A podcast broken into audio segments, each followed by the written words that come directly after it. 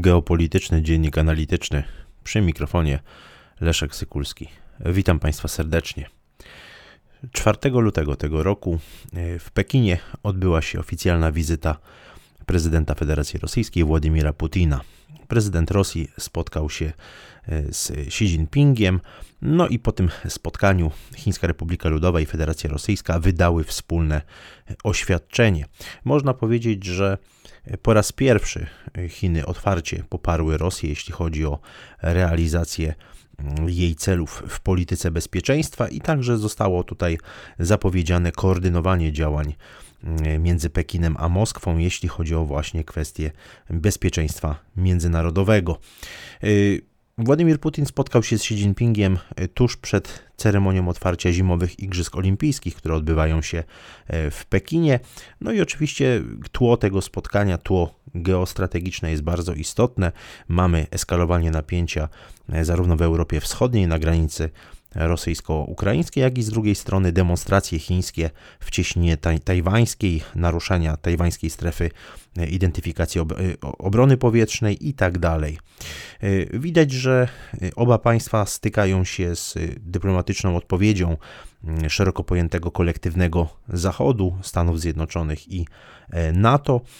No i mamy tutaj do czynienia z odpowiedzią, odpowiedzią chińsko-rosyjską.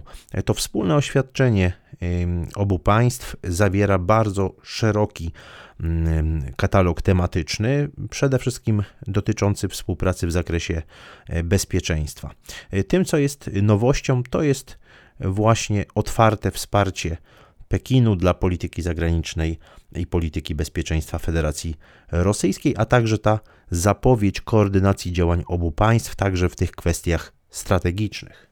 Podczas spotkania Władimir Putin określił stosunki z Chinami jako bezprecedensowe, które rozwijają się, cytuję, w duchu przyjaźni i strategicznego e, partnerstwa. Podkreślał ich zresztą, cytuję, niespotykany charakter. E, ważnym elementem tego e, spotkania i tego oświadczenia mm, były słowa o naruszaniu bezpieczeństwa w, sąsie w sąsiedztwie Rosji i Chin przez y, siły zagraniczne, jak to określono, które mają inicjować tak zwane kolorowe rewolucje.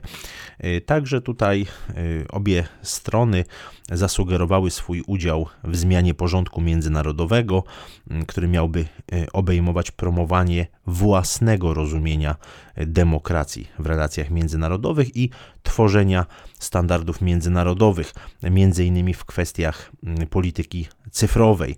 Tutaj sporo y, miejsca poświęcono tak zwanej demokratyzacji stosunków międzynarodowych i prawdziwemu multilateralizmowi, jak to, y, jak to określono. Zresztą to oświadczenie jest bardzo ciekawe. Ono pokazuje mm, no, taki sposób właśnie rozumienia y, relacji międzynarodowych, zarówno przez Pekin, jak i przez, przez Moskwę.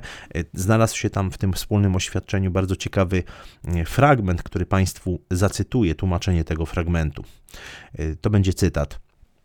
Niektóre kraje próbują wytyczać linie ideologiczne, zmuszać inne kraje do zaakceptowania demokratycznych standardów tych krajów i monopolizować prawo do definiowania de demokracji poprzez łączenie różnych małych grup i sytuacyjnych sojuszy.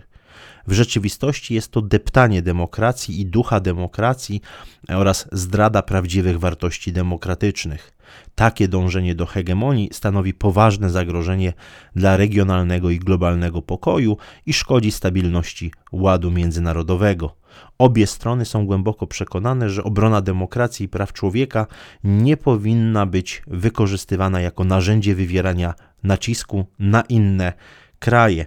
Obie strony sprzeciwiają się nadużywaniu wartości demokratycznych przez jakikolwiek kraj, ingerowaniu we wewnętrzne sprawy suwerennych e, państw pod pretekstem ochrony demokracji i praw człowieka oraz prowokowaniu światowych podziałów e, i konfrontacji. Obie strony wezwały społeczność międzynarodową do poszanowania różnorodności kultur i cywilizacji oraz praw do samostanowienia narodów różnych państw.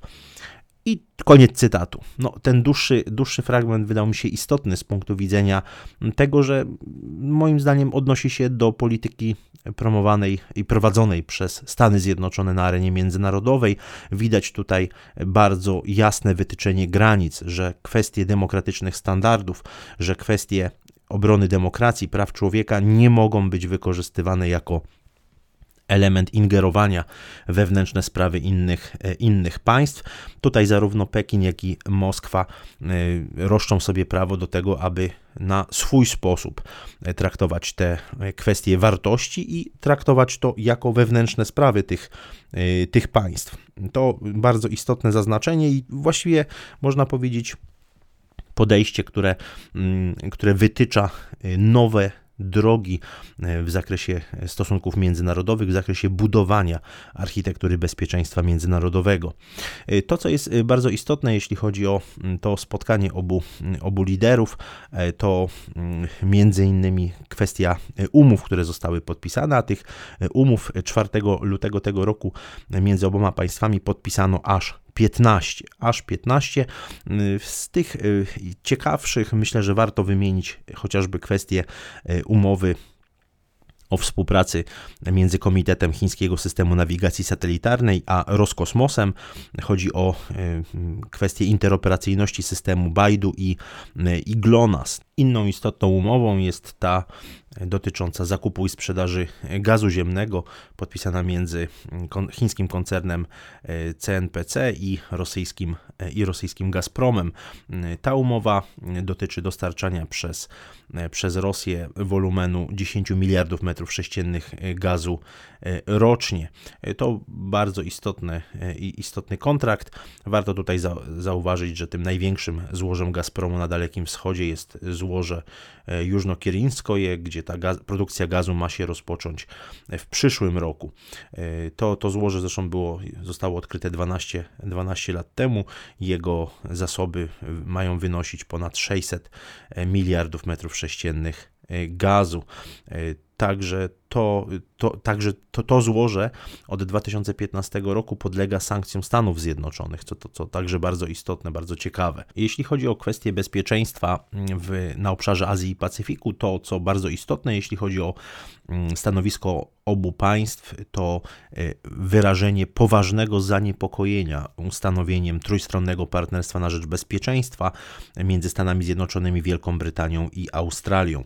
E, ten sojusz e, wojskowy, AUKUS no, wzbudził bardzo, y, bardzo duże zaniepokojenie w Pekinie i Moskwie i y, no, to oświadczenie pokazuje, że, mm, że obie stolice są y, są zaniepokojone naruszaniem stabilności strategicznej. No, tutaj wymienione są chociażby kwestia, wymienione kwestie okrętów podwodnych o napędzie e, atomowym, e, no i e, oczywiście także pojawiło się wezwanie do tego, aby zapobiegać rozprzestrzenianiu broni jądrowej. Mm, zarówno Pekin, jak i Moskwa także wyraziły swoje, swoją dezaprobatę dla wycofania się Stanów Zjednoczonych z traktatu INF, który, e, który ich zdaniem ma przyspieszyć rozwój e, czy też rozbudowę e, pocisków rakietowych średniego i krótkiego zasięgu. No, niewątpliwie Chiny są zaniepokojone tym, że Stany Zjednoczone mogłyby dostarczyć swoim sojusznikom w regionie Azji i Pacyfiku właśnie takich pocisków. Również strona rosyjska jest zaniepokojona taką, taką perspektywą. Tutaj pojawiło się w tym oświadczeniu mm, Pekinu i Moskwy takie wezwanie do wspólnej komunikacji i koordynacji e, w zakresie e, powstrzymywania rozwoju właśnie pocisków rakietowych średniego i krótkiego e, zasięgu. Obie, obie stolice zwróciły uwagę na to, że mm, wycofanie się Waszyngtonu z, z ważnych umów międzynarodowych, jeśli chodzi o kontrolę zbrojeń, ma negatywny wpływ na bezpieczeństwo i stabilność, y, i stabilność międzynarodową. Mm, reasumując, to spotkanie mm, Władimira Putina i Xi Jinpinga było niezwykle istotnym sygnałem w mojej, w mojej ocenie, mm, który, który, który no oczywiście także pokazuje, pokazuje tę koordynację działań między dwoma liderami Szanghajskiej Organizacji Współpracy. Widać tutaj zacieśnianie się interesów, co jest spowodowane spowodowane moim zdaniem słabnącą hegemonią Stanów Zjednoczonych, właściwie słabnącą pozycją, bo już trudno mówić dzisiaj o jakiejś hegemonii Stanów Zjednoczonych. Nie mamy do czynienia z jednobiegunowym światem i, e, i moim zdaniem ta, ten proces policentryzacji świata będzie się coraz bardziej pogłębiał.